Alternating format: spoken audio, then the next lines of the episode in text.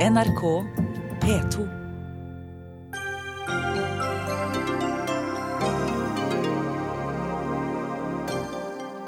Folk i Stockholm går og går. T-banen står, og togene tar folk med ut av byen, men ikke inn. Folk oppfordres til å holde seg unna bykjernen. Vi er under angrep. Alt tyder på en terrorhandling. Det sa Sveriges statsminister Stefan Löfven. Rett før klokken 15 i ettermiddag kjørte en lastebil inn i Åhléns varehus midt i byen. Dagsnytt 18 vil handle om det som har hendt i Stockholm, og hva vi vet så langt.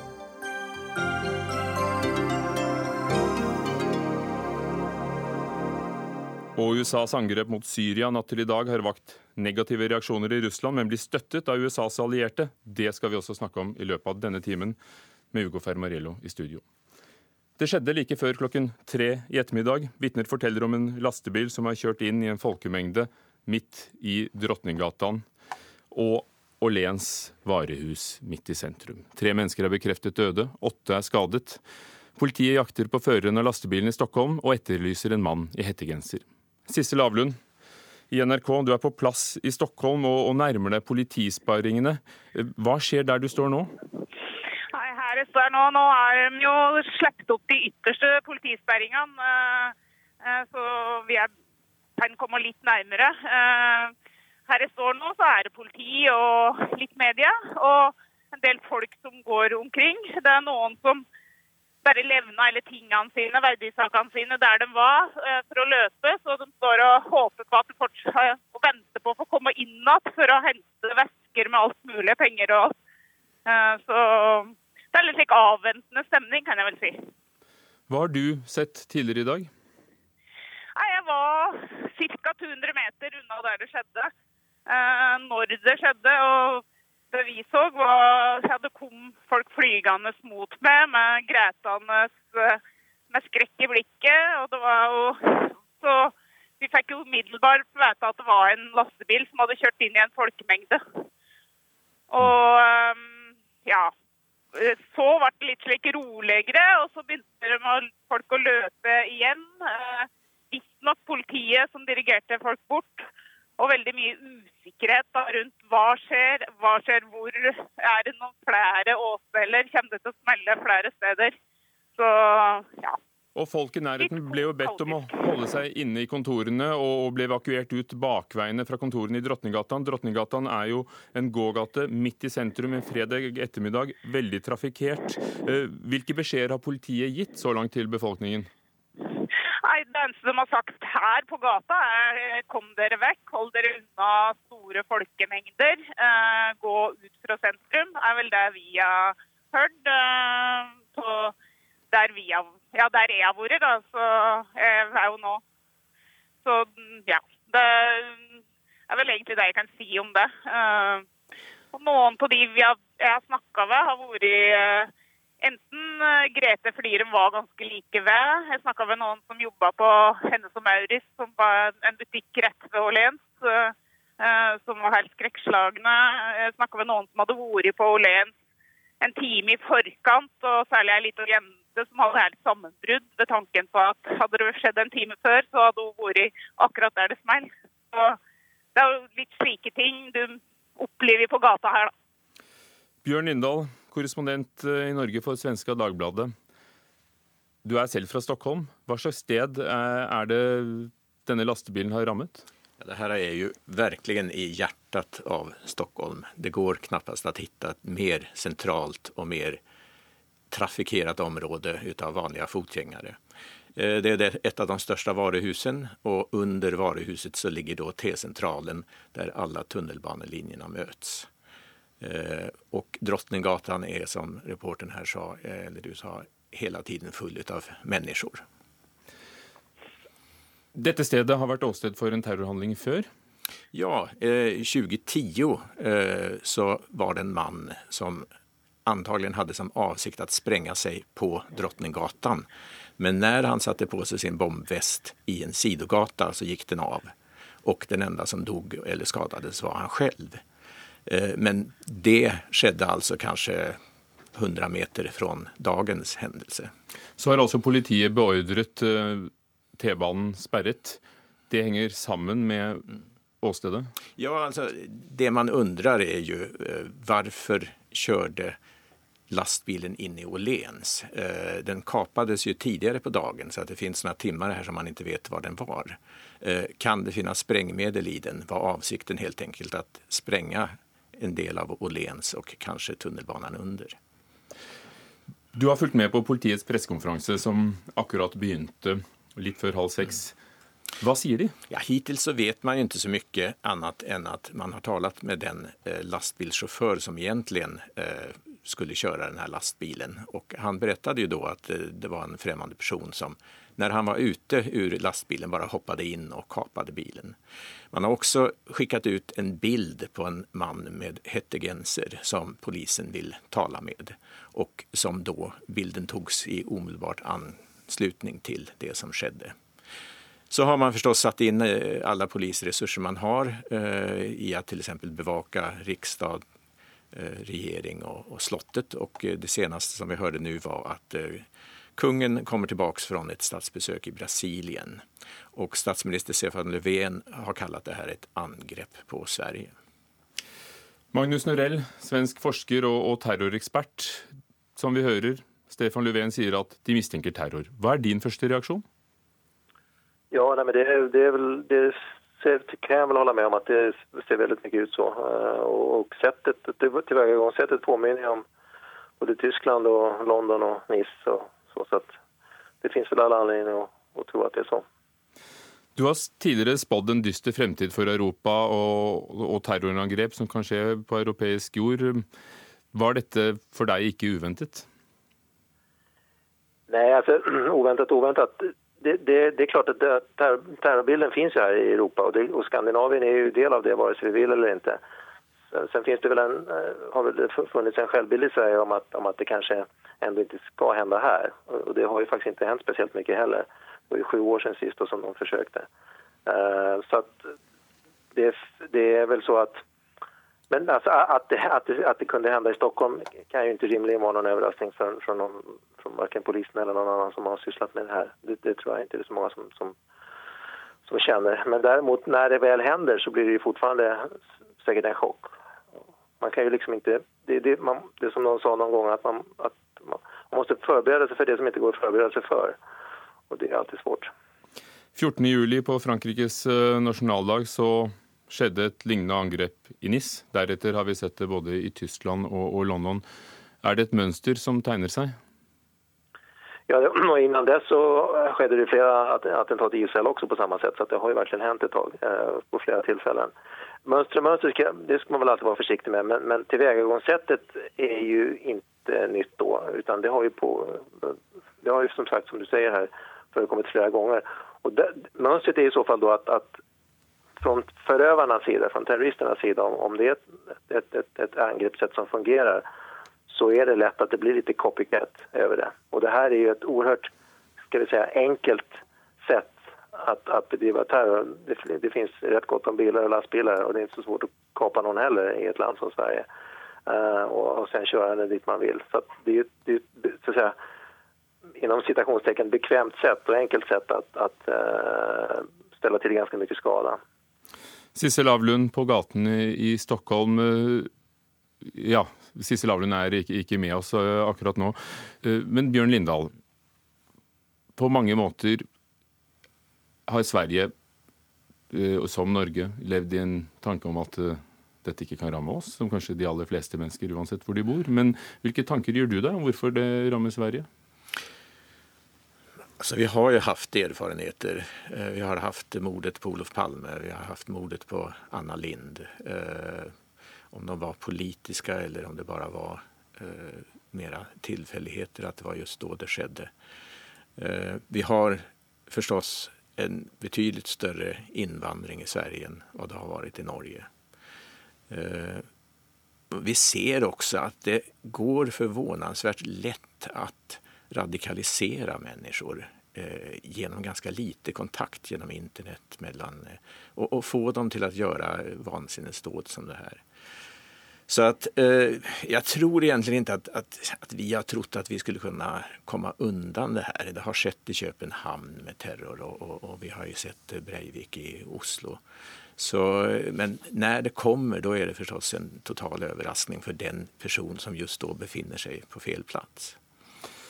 Magnus Norell, hvilke tanker gjør det deg om hvorfor sånt rammer? Her hørte vi uh, ordet radikalisering, og du har selv sagt, uh, og fikk kritikk fra andre svenske forskere, men du gikk ut og sa i en rapport at, det er fare for et parallellsamfunn i Sverige. Og at, det har en negativ og radikaliserende effekt, hvis jeg tolket deg riktig? Ja, ja du får, får vel lese rapporten, kanskje. Jeg tenker ikke diskutere den her. Men, men, men eh, og innan vi vet motivbild og forøvere, så syns jeg ikke at man skal spekulere om, om, om, om verken det ene eller det andre. Jeg har vel tanker om det, men jeg, jeg, jeg avvakter til vi vet mer. Det syns jeg man skal være veldig forsiktig med å si noe innan vi vet sikkert hvem det er som har gjort og hvorfor. Ser du en fare for at spekulasjonen begynner for tidlig? Altså, det er alltid Ja, det... ja, ja Magnus? ja, ja det, det, det, tror jeg. Altså, det blir lett så eh, når man ikke vet, eh, og når informasjonen er veldig knapphändig. Det blir spekulasjoner og rykten, og jeg vil i alle fall ikke bidra til, til det. Bjørn, altså det som skjer nå, er jo at det er så oerhört mye mer informasjon som sprids veldig fort. Så det er veldig svårt at, så att säga, få en en korrekt hantering av informasjonsbilden. Eh, her har det da vært dementier fra polisen. Eh, det har ryktats om skottlossning ved Fridhemsplan. Det har eh, dementerats, det har sagt at det var det. Så det er der, i en sånn her akutfas, som det er en veldig stor utmaning. Min egen tidning ligger precis i nærheten av det her. Ved det første dådet så var det en bakinngang til min tidning der mannen sprengte seg. Så jeg har jo sett at säkerhetsanordningarna när jag besöker Svenska Dagbladet i Stockholm idag så är det en helt annan kontroll än det var för sju år sedan. Eh, men man kan aldri ta og forberede seg på alle sorters attacker. For det er vel det, Magnus Norell, som er eh, det nye med denne typen angrep? At det, det går ikke å forberede seg, eller går det? Ha, agerer politiet riktig, vil du si, og sikkerhetsmyndighetene? Ja, det, er litt for tidlig å si noe om det, skulle jeg si. Men altså, denne typen av, av, av terrorattacker eh, om, är ju svåra att skydda sig mot. Alltså även om du... Nu vet vi inte hur mycket information... Enligt polisen så var det, fanns det inga indikationer på att någonting skulle hända. Och då, då kan det ju tyda på att det är personer som inte fanns på radarn förut, som inte fanns i något register. Och i så fall så är det i praktiken omöjligt att hitta någon och som kanske inte har sagt någonting om det på sociala medier eller någonting annat heller. Och då är det ju i praktiken omöjligt att upptäcka innan det sker om man inte snubblar över det. Så att den typen av, av, av terrorattack är er, svår, er svårt å komme åt altså, innan det skjer. Takk skal dere ha, Magnus Norell, svensk eh, statsviter og forsker. Og takk til deg, Bjørn Lindahl, korrespondent fra Svenska Dagbladet her i Norge. Dagsnytt 18 alle hverdager kl 18.00 på NRK P2 og NRK2. Og vi skal vende tilbake til Stockholm og terrorangrepet som statsministeren formoder at det var, senere i løpet av hele denne Dagsnytt 18-sendingen. Men nå skal vi snakke om Syria, for minst syv personer ble drept i det amerikanske rakettangrepet mot flybasen Shayrat i Homs-provinsen i Syria natt til fredag. USA sendte 59 Tomahawk kryssermissiler fra et krigsskip i Middelhavet, fra to krigsskip i Middelhavet. Og dette angrepet er en reaksjon etter at Syria skal ha brukt kjemiske våpen mot sivile. og Russlands president Vladimir Putin reagerer kraftig på angrepet. Morten Jentoft, eh, vår korrespondent i Moskva. Putin har eh, vært sterk i ordbruken eh, og sagt at han vil trekke seg fra luftsikkerhetsavtalen som ble med USA i 2015, som innebærer altså at de to landene ikke skulle skyte på hverandre og, og si fra hvis de skulle operere i luften over Syria. Og Hva kan det siste døgnet bety for forholdet mellom eh, USA og, og Russland? Jo, Det alle spør seg om, eh, ikke minst her i den russiske hovedstaden Moskva, eh, blir det ingenting av samarbeidet mellom Russland og USA i kampen mot terror? På mandag så rammet jo en bombe metroen i St. Petersburg. Da tok Donald Trump direkte kontakt med Putin. Mange snakket om at kanskje er dette et gjennombrudd eh, for eh, amerikansk-russisk samarbeid i kampen mot eh, terror. Men i dag så er altså tonen i alle fall foreløpig en helt annen. Nå eh, får vi jo se hva dette ender opp med. Den avtalen du nevnte, den er altså oppsagt. Eh, kontakten mellom de militære. Eh, samtidig så sier russerne at de skal styrke det syriske luftforsvaret, utruste dem med et bedre luftforsvar. Dette er jo en direkte trussel mot også amerikansk flyaktivitet over Syria. På tirsdag så kommer den amerikanske utenriksministeren Rex Tillerson hit til Moskva. Så får vi se hva som kommer ut av det møtet. Eh, oppladningen er ikke den aller beste. Tove Bjørgaas, eh, i Mar-a-Lago i Florida, som er president Donald Trumps eh, sted, eh, hvor han er for å møte den kinesiske presidenten. Hvilke reaksjoner er kommet i USA på at Trump-administrasjonen såpass plutselig angrep Syria? Her er det jo veldig mange positive reaksjoner. Det er stort sett demokratene med Nancy Pelosi eh, i, spissen som ber om en eh, debatt om dette i Representantenes hus. Men ellers så er det veldig mange republikanere som roser det Donald Trump har gjort. Også militære eksperter sier at det, det var nødvendig nå at USA viste at de igjen er verdenspoliti. At de etter sju år med denne konflikten, når Obama ikke gjorde et slikt angrep, tør å gjøre det. Men det store spørsmålet er selvfølgelig hva som følger etter dette. Har Trump en, en videre plan her? Eh, det han sier, og det er jo også i lys av det fryktelige som har skjedd i Stockholm i dag, kanskje, er jo at han ønsker å, å kjempe mot masseødeleggelsesvåpen og mot terror. Og sørge for at eh, flyktningkrisen i Syria stanser, som skaper problemer både i Europa og i USA, sa han. Eh, men det er altså meget kontroversielt også i mange andre land, det han har gjort. Og det store spørsmålet er jo hvis det blir med dette angrepet, hva det egentlig vil føre til. Kristin Solberg, vår korrespondent i Midtøsten, i, Beirut i, i, Libanon. Sett fra Midtøsten, hva vil det føre til? Assads talsmenn sier at dette er tåpelig, ugjennomtenkt og kortsiktig. Ja, det er sant. Det kom en uttalelse i dag eh, fra Assads eh, presidentpalass som, viser, som, sa at dette viser hvor blinde de er på realitetene i Syria. Men samtidig så er jo på opprørersiden så ønsker jo mange dette velkommen og håper at det skal være Eh, begynnelsen eh, på noe mer, at det skal være et slags vendepunkt eh, i krigen. Det er jo mange på opprørersiden som har ønsket dette, og som ble svært skuffet i 2013 i det kjemiske angrepet utenfor Damaskus, da president Obama ikke holdt det han tidligere sa var en, en rød linje. Og nå, nå, har støtteerklæringene til president Trump kommet fra, fra den siden i dag. Men mye vil jo avhenge av hva vil vil skje, hva som skjer videre. Altså, er dette et, en enkeltstående angrep, en slags straffereaksjon eh, for å gi en klar melding eh, etter, eh, etter eh, det som skal ha vært et kjemisk angrep, eller, eh, eller er det begynnelsen på, på en mer helhetlig og større operasjon? Morten Jentoft, um, Putin har innkalt til hastemøte i Sikkerhetsrådet i FN, som etter planen uh, foregår uh, nå, og vil også bringe det amerikanske rakettangrepet opp da for, for Sikkerhetsrådet. Hva, hva kan de oppnå? De sier jo det at dette er et klart brudd på uh, folkeretten. Man angriper altså en suveren stat uten noen godkjennelse fra FN. Dette er jo et eh, ankepunkt fra russisk side, at eh, amerikanerne har opptrådt nettopp som verdenspoliti uten godkjennelse fra FN, bl.a. I, i forbindelse med Irak-krigen i 2003.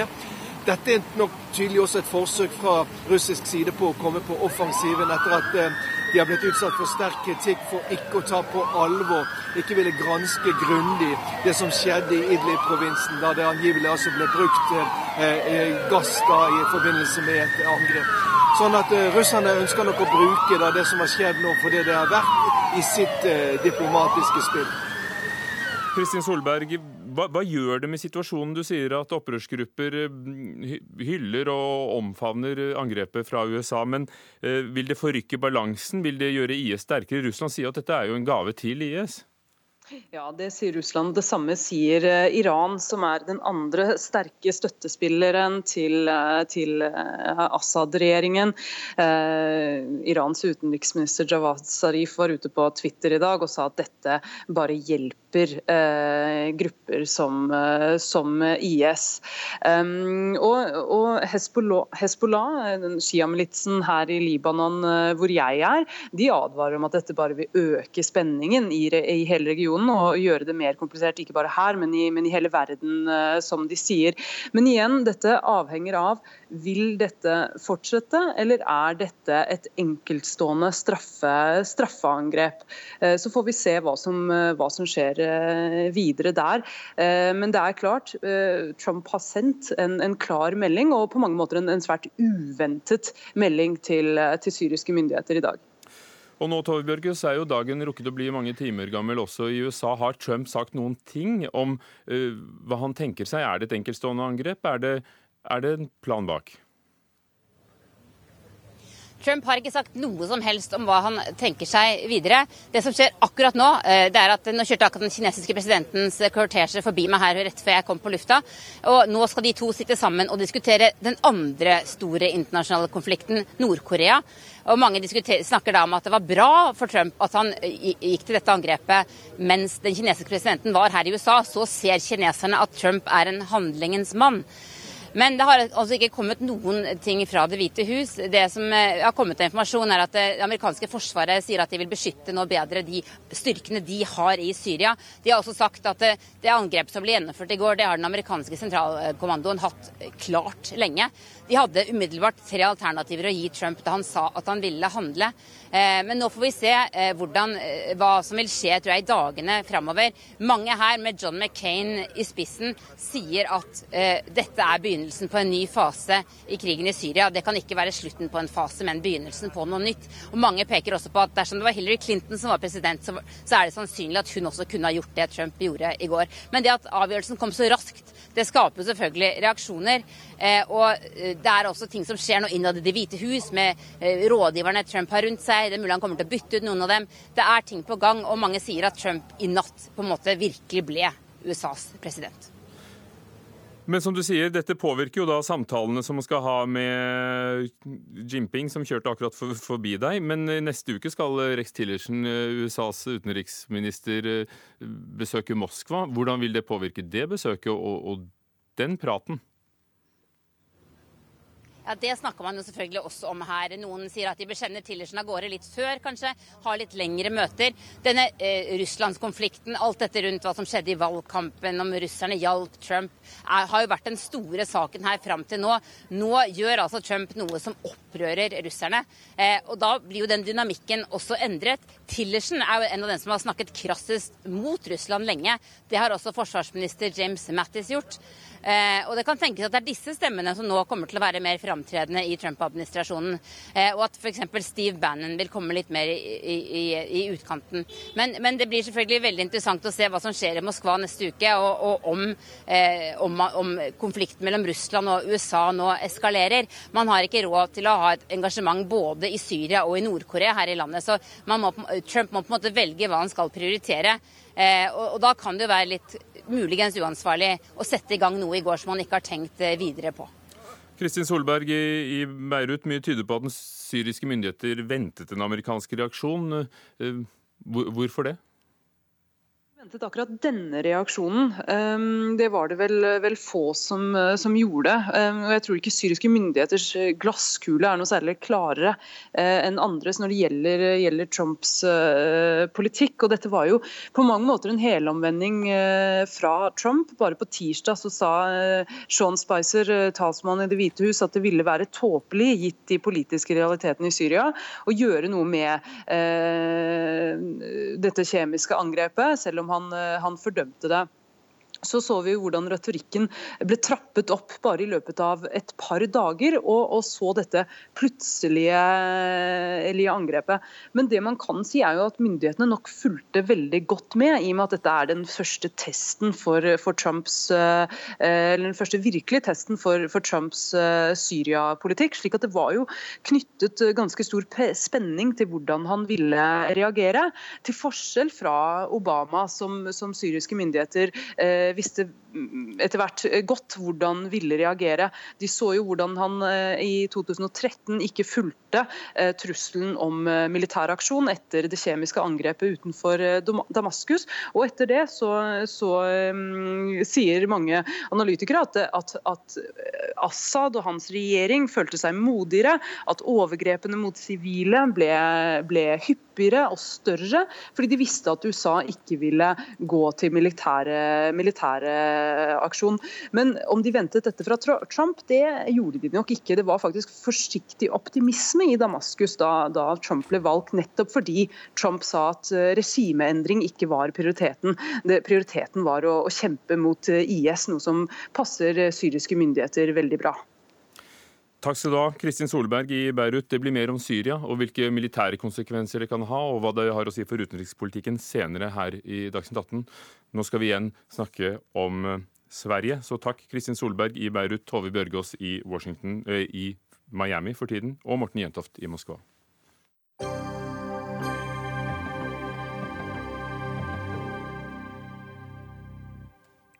Og nå nettopp har FNs generalsekretær Antonio Guterres eh, eh, fordømt angrepet i eh, Stockholm, eh, og, og, sier at han håper at de ansvarlige vil eh, måtte stå til ansvar for sin forbrytelse. Tre mennesker er altså drept i det angrepet som skjedde rett før klokken tre i ettermiddag. Åtte er skadet, eh, og tre drepte er det antallet som er bekreftet fra politiets side. Per-Willy Amundsen, eh, justis- og beredskapsminister eh, her i Norge. Hva er din kommentar til Stockholmsangrepet? Ja, Nok en gang så ser vi grusomme scener etter det som er et fake terrorangrep, og denne gangen i vårt kjære naboland. Nok en gang så lider fullstendig uskyldige mennesker som følge av det som er brutale aksjoner. Tankene våre går selvfølgelig først og fremst til eh, dem som er offer for denne grusomme hendelsen. Men det er samtidig et veldig tydelig signal om at vi lar oss ikke rokke. Vi står ved våre verdier, vår frihet, vår, uh, vårt levesett, uh, og lar oss ikke rokke av sånne monster som begår denne type handlinger. Og når terrorhandlinger skjer, så blir det etter hvert ofte snakk om mer etterretningssamarbeid, om hvordan man skal bekjempe terror. Men hvordan bekjempe denne typen terror, som ikke har vært den tradisjonelle typen? Hvilke tanker gjør du deg om det? Altså, Vi eh, agerer i henhold til eh, den instruksen og, og, de eh, planene vi har. og Derfor så har altså politiet i de største byene og i Oslo lufthavn Gardermoen beslutta midlertidig bevæpning inntil videre. Og Det er også iverksatt økt tilstedeværelse i de største byene. Så vi håndterer dette eh, i henhold til våre planer, våre, våre naturlige måter å håndtere det på. Eh, så løser vi selvfølgelig et eh, langt større spørsmål som handler om en type terroraksjon som rammer myke mål med det som er relativt enkle virkemidler. Det må vi som samfunn ruste oss for å stå imot. Vi må ikke la oss rokke av denne type handlinger. Vi skal være fast, og vi skal stå opp for eh, de verdiene og det levesettet og de, eh, det vi er som samfunn. Eh, og Det følger denne regjeringa tydelig opp. og Derfor har vi altså styrka beredskapen tydelig de siste årene, og det er et kontinuerlig arbeid. Så beredskapsnivået i, i, i Norge, er det da som en direkte følge av dette offisielt høynet? Ja, vi har vedtatt uh, midlertidig bevæpning inntil videre. Uh, og så vil jo politiet følge situasjonen nøye. Uh, politiets situasjonssenter følger med på det som skjer i Stockholm og har kontakt med svensk, svensk politi. Så er det sånn at PST selvfølgelig foretar vurderinger om hendelsen påvirker trusselbildet i Norge. og Politiet vil også vurdere fortløpende om det er behov for ytterligere tiltak hjemme. Takk, Per Williamsen, eh, justisminister og beredskapsminister fra Fremskrittspartiet. Pål Plassen, kjent programleder fra NRK P1, og du befant deg på Åhléns kjøpesenteret et kvarter før angrepet skjedde. Hvordan opplevde du situasjonen? Jo, Da jeg fikk eh, melding om det som hadde skjedd på Len, så tenkte jeg med en gang på der var det veldig mye folk da jeg forlot stedet. Det var et sted der du gikk og sto i kø omtrent eh, overalt hvor du gikk, og også på Drottninggatan, som eh, ligger rett utafor, så var det enormt mye folk. Dette området kan jo best beskrives som det området som er nederst på Karl Johans gate mot Oslo S, for her ligger jo også gågater, kjøpesentre og Stockholm sentralstasjon, Ugo. Du følger jo med på, på nyhetene og hva politiet sier. Hva er det siste du vet om uh, hva de vet? Det som vi i hvert fall vet, er at det går veldig mye rykter i denne eh, byen nå. Eh, noen av avisene er ute og sier at eh, her er det vi vet og det som er sikkert, og her er det som er rykter og usant. Det sprer seg veldig mye rykter. Akkurat nå så står jeg ved sperringene på Mester Samuelsgatan, som går opp fra sentralstasjonen og opp mot Åhléns. Vasagatan, den mest trafikkerte gaten nesten i dette området, ble nettopp åpna, sperringene ble heva, men fortsatt et enormt stort område avsperra. Og denne avsperringa Ugo, får jo forskjellige konsekvenser. Blant annet så pratet jeg med en eh, dame her nå nettopp som sa at eh, hun hadde det bra, og det hadde dattera hennes også, men hun fikk ikke tak i dattera fordi hun var på skolen fortsatt. De hadde fått beskjed om å være der og bli der inntil videre. Og Sånn er det også på en del arbeidsplasser, har jeg hørt om her. At folk blir på arbeidsplassen inntil situasjonen er mer avklart, og det kan være like greit. For her er forsinkelsene store. Her har det stoppa opp kollektivtrafikken, og, og folk må gå til fots. Hvordan vil du beskrive stemningen? Hvordan er, er det å være der? Du, jeg må si at Det er veldig spesiell og veldig trist stemning i Stockholm nå. Når jeg gikk mot strømmen mot stedet, så var det veldig mange som gråt rett etter at det skjedde. Folk trøsta hverandre, og eh, folk rista på hodet og så veldig betutta ut. Og nå er det veldig mange som eh, ser på hverandre og, og, prøver å få tak i sine kjære og få avklart eh, situasjonen. Eh, jeg hørte en som ropte i mobiltelefonen at du får ikke være der, det er jo nettopp eh, der det skjer. Så folk har stort sett fulgt politiets oppfordring, virka det som, og gått hjem. For det er ganske rolig her ved sperringene nå. Takk skal du ha, Pål Plassen, NRK-mann på, på plass i Stockholm. Jonna Sima, lederskribent i Aftonbladet. Du er også med oss eh, midt fra Stockholm sentrum, eh, der du bor. Hvordan er det der du står? Eh, just nå er jeg hjemme, men jeg bor ganske sentralt. Så jeg hører jo helikopter helikoptern, i polishelikoptern eller vad det nu är i luften och, och jag hör sirener från om det är ambulans eller polis. Eh, men jag var ute i centrala Stockholm också när det hände. Eh, och det var, det var verkligen otäckt. Eh, jag har aldrig sett så mycket folk ute på gatorna i Stockholm och jag är uppväxt här. Det var jo Aftenbladet som først eh, først skrev og, og, og, og, varslet oss om det som hadde skjedd, skjedd. Hvilke tanker var det du gjorde deg? Ja, altså det her er jo noe som man har befarat skal hende i Stockholm. Eh, vi har jo haft en forhøyd eh, hotnivå, en trea på en femgradig skala i Stockholm sen eh, det här, om man ska säga misslyckade terror eh, självmordsbombaren i Stockholm 2000, 2000, 2010 var det. Så det är sju år sedan. Eh, och sen dess har vi alltså haft ett förhöjt hot. Så det är någonting som vi har levt med och eh, inte minst nu när Sverige också har soldater eh, som är med i Irak och stödjer den USA-ledda alliansen så ökar ju risken och sen så finns det en debatt kring alla att vi har också många IS-krigare som har återvänt eh, och så. Så att eh, det, det, ändå, det har varit en diskussion under många år här. Eh, och, och, så det, alla de där tankarna får ju i huvudet när man fick beskedet och så tänkte man ju också såklart på sina nära och kära, var de befann sig. Och alla försökte ju ringa och smsa folk men det var ju problem med telenätet. Det var väl för många som ringde helt enkelt på samma gång. For dette angrepet har jo store konsekvenser for, eh, for vanlige folk og, og, for trafikken og, og jobben. Og, og, så vidt jeg skjønner så er dine kolleger i Aftenbladet uh, fortsatt inne i avishuset. Stemmer det? Ja. ja eh, en stund siden så, så leste jeg det mailet som gikk ut til alle eh, i personalen då, om at man ikke fikk lämna huset. Och Aftonbladet har sitt, eh, sin redaktion då, precis vid centralstationen. Og nå leser jeg også at uh, Svenska Jernveger, det største togselskapet, har innstilt alle tog til og fra ja. Stockholm sentral. Uh, den debatten du beskrev om et forhøyet uh, beredskapsnivå og trusselbilde, hvordan har den artet seg de siste årene i Sverige? Hvilke meninger har det vært? Ja, altså Det kommer jo sånne her rapporter fra varje år från Nationellt centrum för terrorhotbedömning. Och I den senaste rapporten som kom i januari då, så ansågs extrema islamister som agerar på egen hand vara det största terrorhotet mot Sverige under 2017. Eh, och vi vet ju ingenting om den här gärningsmannen eller gärningsmännens motiv än så länge. Polisen har inte sagt något och de har inte heller gripit någon. Så vi vet ingenting, men, men det var i alla fall vad Nationellt centrum för terrorhotbedömning ansåg vara det största hotet mot Sverige. Det är just de här lone wolf-karaktärerna som vi har sett i Berlin og i, i London nu senast og i Nice förra sommaren. Den ensomme ulv-teorien, men, men som sagt, dette er jo da ingenting vi vet ennå. Politiet har etterlyst én mann.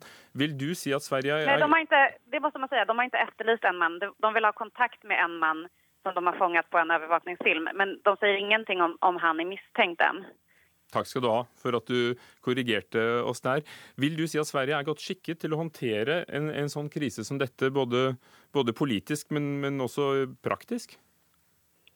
Ja, jeg er ingen ekspert på det området, men eh, jeg, Men hvis vi tenker på den politiske debatten og, og, og, den offentlige debatten? Eh, jo, men det skulle jeg nå enda si at, eh, at vi er. For at vi har hatt Vi hadde nästan ett sånt här attentat som jag berättade om i julhandeln 2010. Eh, och eh, det, det, det, finns ju en, en diskussion som är ständigt eh, levande kring hur vi ska hantera eh, att personer radikaliseras i, i Sverige. Och eh, vi har jämfört med Norge som är bättre på många sätt att kanske eh, ja, ta hand om eh, återvändande IS-krigare än vad Sverige har varit och sådär. Så det, det, eh, det, jag tycker... Jag tror ändå att, att det finns en eh, beredskap och det visar också polisen. Alla vittnar om att polisen var väldigt snabbt ute idag och att eh, eh agerade väldigt förtroendeingivande. Och, så det känns som att samhällsinsatserna har fungerat och att man får mycket informasjon og at, at man er veldig mm. noga med också at ikke det skal spridas fake news eller liksom eh, eh, spekulationer. Utan, Så vi unngår vel, spekulasjoner. spekulationer? Ja, det er vel derfor man, eh, man, man vil ikke ens si Jeg hørte innan også at dere sa at tre stykker personer er døde. Det har man også tatt tilbake. for man vil ikke gå ut med eksakt antall eh, noe exakt antal enn om mm. hvor mange det er som har dött. Takk skal du ha, Jonas Sima, som er lederskribent i Aftonbladet, og som, som, bor midt i Stockholm, for at du var med oss her i Dagsnytt 18. Hør Dagsnytt 18 når du vil. Radio NRK Radio.nrk.no.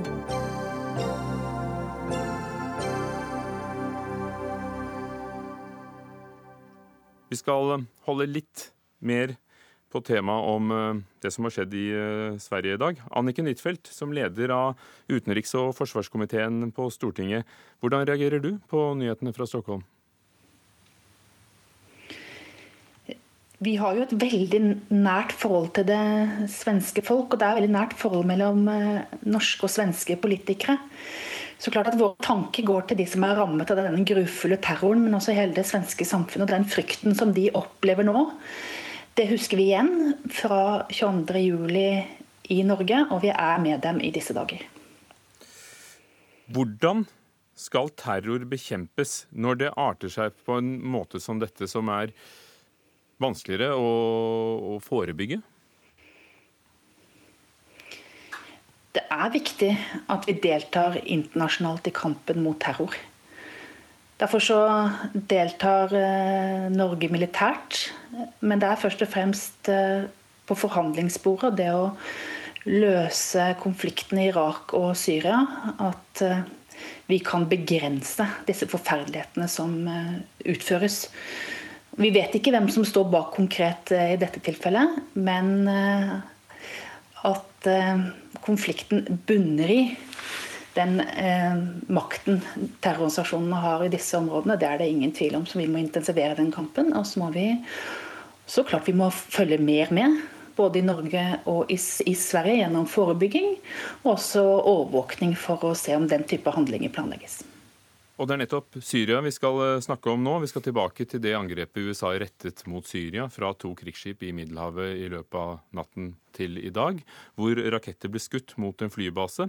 Og ifølge visse opplysninger rammet også sivilsamfunnet. Og nå sier Russland akkurat nå i FNs sikkerhetsråd at eh, USA har forbrutt seg mot internasjonal lov med sine angrep. Thomas Slensvik, orlogskaptein og hovedlærer for strategi og doktrine ved Forsvarets høgskole, som ekspert på forsvarsstrategi. Hvordan reagerer du på Russas, Russlands eh, bastante påstand om at de bryter internasjonal lov?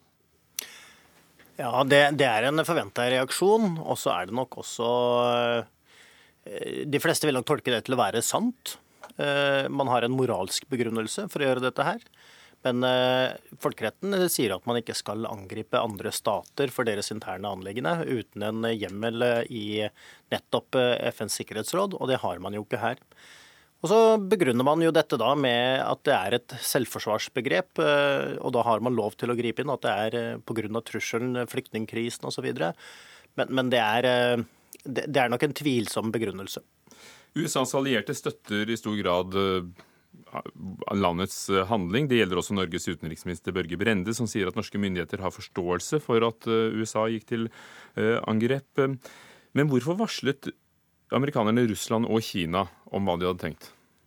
Det er for å passe på at det her ikke blir noen uønska konflikt i området. Man får en tidlig nok varsel, slik at man f.eks. ikke kommer inn i området. Man, man unngår konfrontasjon med de russiske styrkene lokalt der. Og så er det også selvfølgelig for å vise og være åpen med hva man gjør, slik at eh, det ikke får større uønska konsekvenser enn det det er.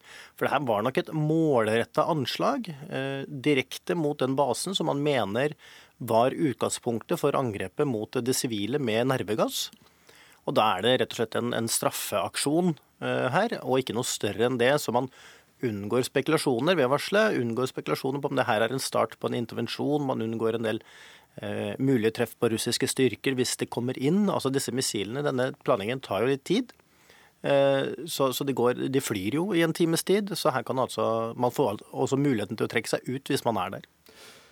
Som sagt, eh, som du sa, et svar på det angrepet vi så grufulle bilder av tidligere i uken, eh, hvor det antas, i hvert fall fra, fra Nato-land, at dette var kjemisk angrep, kanskje med saringass. Rundt 80 personer døde, ble kvelt, 500 er skadet, eh, i Idlib nord nordvest i, eh, i Syria. Men vet vi hvilke skader USAs angrep gjorde, kanskje også på sivilbefolkning?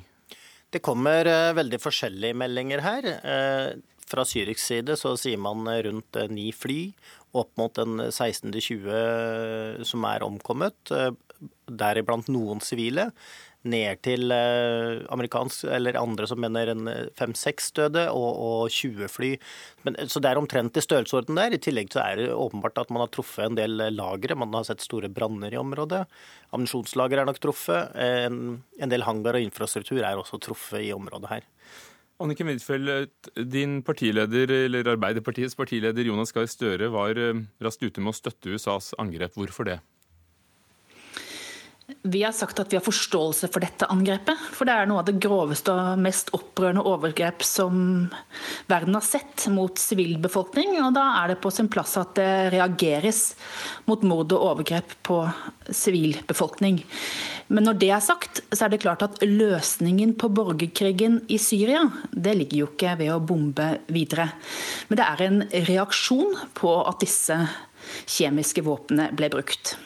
Som sagt, Børge Brende befinner seg i, i Kina, men sier at norske myndigheter har forståelse for, for angrepet. Betyr det at Arbeiderpartiet og regjeringen er helt på linje i denne saken?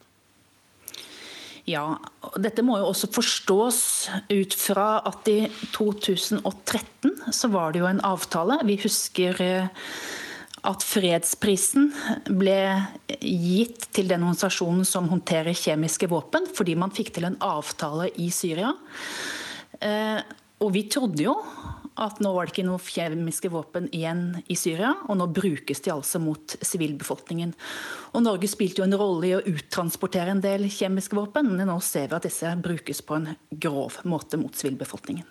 Thomas Lensvik, Assad påstår at det var eh, konvensjonelt angrep som traff opprørernes lager av, av, kjemiske våpen og, og, og gasser. Og, og, Russland ser ut til å støtte den teorien. De sier i hvert fall at at det ikke kan utelukkes. Men, men, men de sa nei til en resolusjon i Sikkerhetsrådet som ville granske det.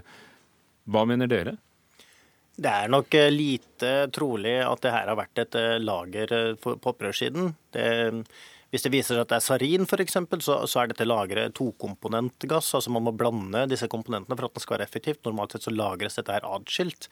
Hvis man bomber det og det er atskilt, så er det ikke farlig i, i, seg selv. Samtidig, hvis man bomber noe, så vil det ofte bli ødelagt pga. flammer, pga. eksplosjon osv. Så, videre. så man vil ikke få den store skadeomfangen. Man kan få en lekkasje, man kan få lokale, lokale, lokale skader i, og, og, dødsfall i nærheten, men ikke dette store her. Det her tyder på en villet spredning. Men som en ekspert på strategi, hvordan forklarer du at Russland motsetter seg en granskning av det? Det vil medføre store konsekvenser politisk hvis man da finner ut at eh, dette her er benyttet. Så det er jo først og fremst for å prøve å unngå at man får et klart bevis. At, at man kan direkte eh, peke på hvem som har gjort det, og på hvilken måte det har skjedd.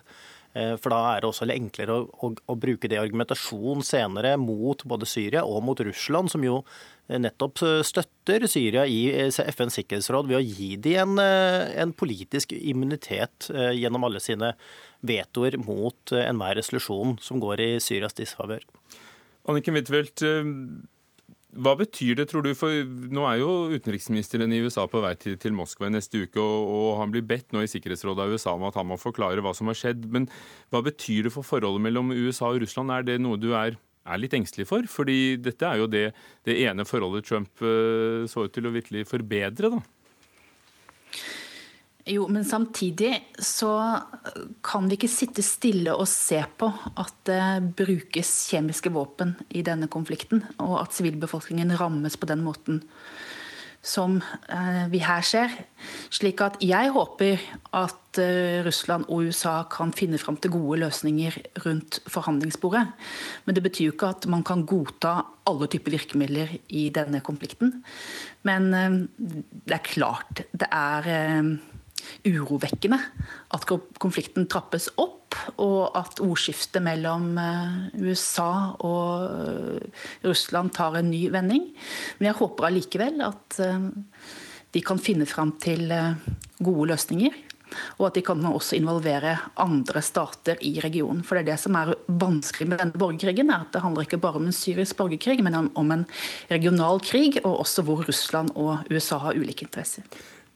Som vi hørte, USAs allierte støtter angrepet, Norge viser forståelse. Men svenskene derimot har vært kritiske og mener dette er en sak for FN. Og FN prøvde seg med tre resolusjoner som Russland jo, eh, jo fikk banket ned. Men hva sier du til Sveriges reaksjon? Ja, Vi må jo forstå det på bakgrunn av deres rolle. De sitter jo også i Sikkerhetsrådet. Og det er jo først og fremst i Sikkerhetsrådet nå at vi må diskutere en videre løsning. For du er enig i det? At, at det er der den ligger? Ja, det er Norges rolle handler jo ikke om å ta del i den, russiske, i den syriske borgerkrigen på denne måten, men eh, gjennom å støtte humanitært arbeid og arbeide med en fremforhandla løsning. Thomas eh, Slensvik, hvilke konsekvenser kan det få at Russland nå setter ganske hardt mot hardt og, og, sier at de bryter den luftsikkerhetsavtalen som de har hatt med USA, altså at de varsler hverandre før operasjoner i, i luftrommet over Syria? Ja, det skaper en eh, noe mer usikkerhet i, i, operasjonene i lufta. Det som er da en eh, økende risiko for, er at man får fly fra forskjellige nasjoner som ikke kjenner til hverandre, som opererer i samme område. Man har hatt det tidligere. Man har hatt fly som har flydd eh, for nærme hverandre i henhold til eh, iallfall vestlige sikkerhetsregler. Eh, og da, da kan man få uhell, rett og slett. Og politisk sett, da? Ja, politisk sett så, så, det, så, er det jo en markering. Eh, man må huske på at selv om man har bombet dette her nå, så forandrer ikke det veldig mye på bakken. Eh, disse kjemiske stridsmidlene er ikke det som har vært hovedvåpenet på bakken, så krigen vil fortsette. Altså Assad er fortsatt den vinnende parten i denne krigen nå, eller den sterke parten i hvert fall. Eh, så, så, det, så, det, vil ikke snu konflikten her, eh, men, men det vil komplisere den. Og det man er redd for, det er jo at man får nå eh, hevnangrep igjen fra syriske fly mot eh, amerikanske styrker som er i Syria. Takk skal dere ha, Thomas Slensvik, orlogskaptein ved Forsvarets høgskole, hvor du er hovedlærer for strategi og doktrine. Og takk, Anniken Huitfeldt, leder av utenriks- og forsvarskomiteen på Stortinget.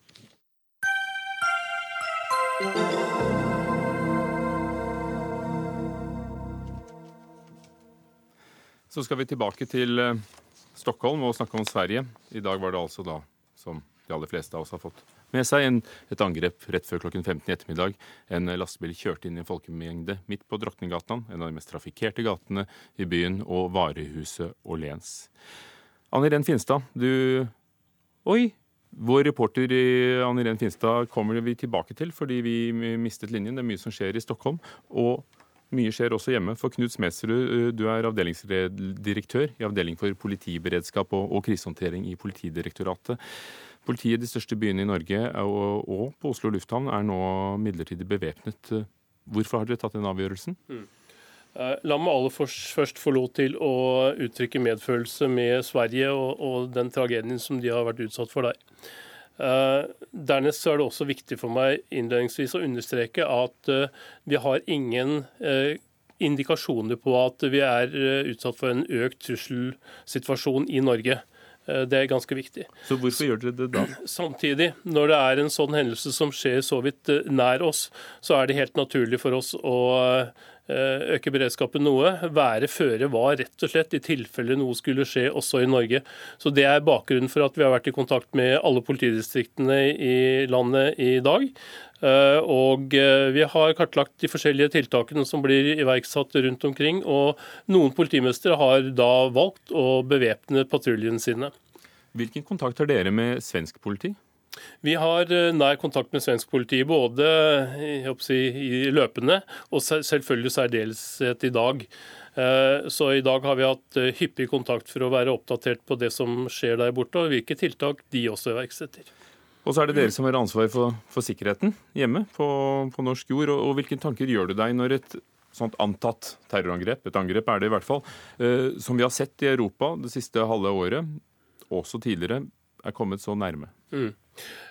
dette er ubehagelig nærme, det kan man godt si.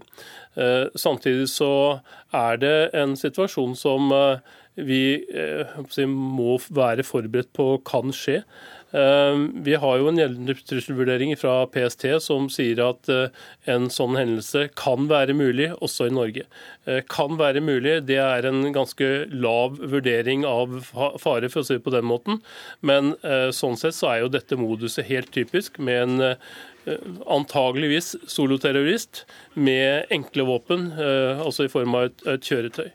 Så dette er en situasjon som vi også må være forberedt på i Norge. Disse tiltakene du, du, nevnte i Norge, at noen politimestere da har da valgt midlertidig bevæpning. Vi ser det på Oslo lufthavn Gardermoen. Hvor lenge vil det vare, tror du? Eh, dette er en uavklart situasjon sånn som det er nå. Eh, jeg tenker at eh, Noe av styrken for norsk politi det er at vi kan iverksette et sånt tiltak når vi føler behov for det, og vi kan ta det ned igjen like raskt når vi mener at situasjonen er klar for det. Så det vil være en fortløpende vurdering. Ann Irén Finstad, vår reporter som befinner seg i Stockholm. Hvor er du nå? Du, jeg sitter i en taxi akkurat kjørt av motorveien på vei inn til Stockholm. Jeg er ca. en mil ifra der som eh, angrepet skjedde, eller lastebilen kjørte inn folk eh, for noen timer siden i ettermiddag. Det er tydelig at eh, folk i Sverige og Stockholm er prega av dette. På Arlanda er det lange køer i, i taxikø fordi all transportkommunikasjon er stengt. Altså jernbanen går ikke, bussene går ikke. Kinoene er stengt i kveld, og politiet har prøvd å få folk ut av, ut av Stockholm sentrum. Um, og du, kjører, og du kjører motsatt vei, Anni Rem Finstad. Er det, er det sånn at du ser på veien drosjene som forlater byen? Nei, det er nettopp det. Folk kjører mot sentrum. Det er lang kø i femfelts motorvei inn til sentrum. Så folk eh, er jo desperate etter å komme seg hjem og komme seg dit de skal, samtidig som man må holde seg unna sentrum. Og En ser jo at folk eh, rett og slett har beina fast og begynner å gå, ikke på motorveien, men på sida og på fortau så går folk der det er lange køer på eller folk står ved bussholdeplassene, så er det mange som står og venter, og noen går videre. Så det er tydelig at uh, folk må jo på en eller annen måte komme seg videre, og det er der, det er der køene blir skapt. Anders Tvegård, utenriksmedarbeider. Hva er siste nytt fra svensk politi? Hva vet vi om situasjonen i Stockholm? Det er en um, jakt som pågår nå etter gjerningsmannen. Han kom seg unna. Uh, det var en um, lastebil som en maskert gjerningsmann kapret. Sjåføren av lastebilen forsøkte å stanse uh, dette og ble påkjørt. Så er jo da hendelsesforløpet videre at lastebilen kom seg inn i Promenade gågata, en av de mest travle i Stockholm, og endte opp i uh, varehuset Åhléns. Og derfra så gikk gjerningsmannen gjerningsmannen eh, videre ut, mener politiet. De har eh, kommet med bilder eh, av en mann som i hettegenser som de ønsker at skal melde seg, eller at folk skal være med på å hjelpe å identifisere. For hvis de klarer å finne ut av hvem denne personen er, så kan de også finne ut av hva som Kan de starte å, å nøste bakgrunn, motiv, om det er fare for ytterligere angrep. Og i mellomtiden så bevæpnes, eller så økes sikkerheten i hele Sverige med mer synlig politi. Og som vi hørte, eh, sentralbanestasjonen eh, den eh, blir stengt resten av fredagen for tog inn og ut, og all annen kollektivtransport er også innstilt inntil, inntil videre. En reporter fra Sveriges Televisjon fortalte tidligere i dag at de, de, satt med bilder som var så sterke fra åstedet at de ikke kunne vise dem ikke ville vise dem. Eh, og, og vi hadde akkurat eh, lederskribenten fra Aftonbladet på tråden som fortalte at svensk politi er veldig forsiktige med å si hvor mange som har omkommet. Og det tallet med de tre bekreftede omkomne er trukket tilbake. Eh, men, men, hva vet du? Hva har de sagt om, om hvor skade gjerningsmannen har forvoldt? Ja, Det var fem representanter fra eh, forskjellige politiorganer som holdt eh, pressekonferansen, og ingen av dem eh, ville fortelle om sårede eller skadde eller drepte. De henviser til sykehuset, så de vil ikke bekrefte noe som helst. Det de, en talsmann for politiet bekreftet tidligere på ettermiddagen til det svenske nyhetsbyrået TT, det er som NTB her i landet, var at minst tre personer ble drept og åtte skadd. Men på pressekonferansen så sa de at de ikke så seg tjent med å skulle komme med tall som helt sikkert blir justert. Og De bildene vi har sett på eh, sosiale medier, er bilder som man ikke ønsker å publisere av eh, skadde som, som ligger i, i, gata. Vi vet jo ikke tilstand til dem, om de som, som, ligger og venter på hjelp. Det er blodige bilder, og man kan selv tenke seg i en gågate når det kommer en lastebil som akselererer og, og kjører og pløyer gjennom en, en folkemengde, så er ikke det nødvendigvis noe som man kan vise bilder av. Men altså ingen bekreftede antall på, på Ikke noe som er bekreftet. Politiet viser til, til, sykehuset, og sykehuset har ennå ikke eh, sagt noe. Eh, og Sveriges statsminister han sier at dette er, eh, er mest sannsynlig et eh, terrorangrep. Kongefamilien, Den svenske kongefamilien er i Brasil og velger å avbryte besøket der og kommer tilbake til eh, Sverige.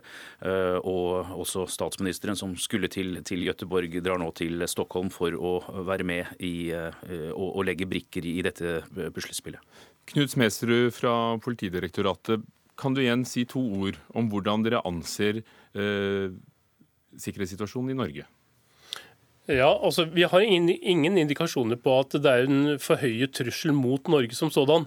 Uh, vi har ingenting som tilsier at det er eh, en smitteeffekt nødvendigvis fra Sverige til, til, Norge. Men når vi iverksetter noen eh, tiltak, så er det rett og slett for å være føre var i tilfelle noe sånt skulle oppstå. Men som sagt, ingen uh, konkrete ting som tilsier at det skulle være en forhøyet trusselsituasjon mot Norge. Nå, Svenskene tar heller ikke og uh, hever sitt trusselnivå. Det har vært det samme siden 2010, og det forblir der på, på nivå tre. Takk. Anders Tvegård her fra NRK, Knut Smedsrud fra Politidirektoratet. Dagsrevyen på NRK1 vil være til stede direkte i Stockholm og begynner nå om ett minutt. Ansvarlig for dagens sending, Fredrik Lauritzen. Lisbeth Sellereite hadde tekniske ansvaret. Programleder var Ugo Fermariello.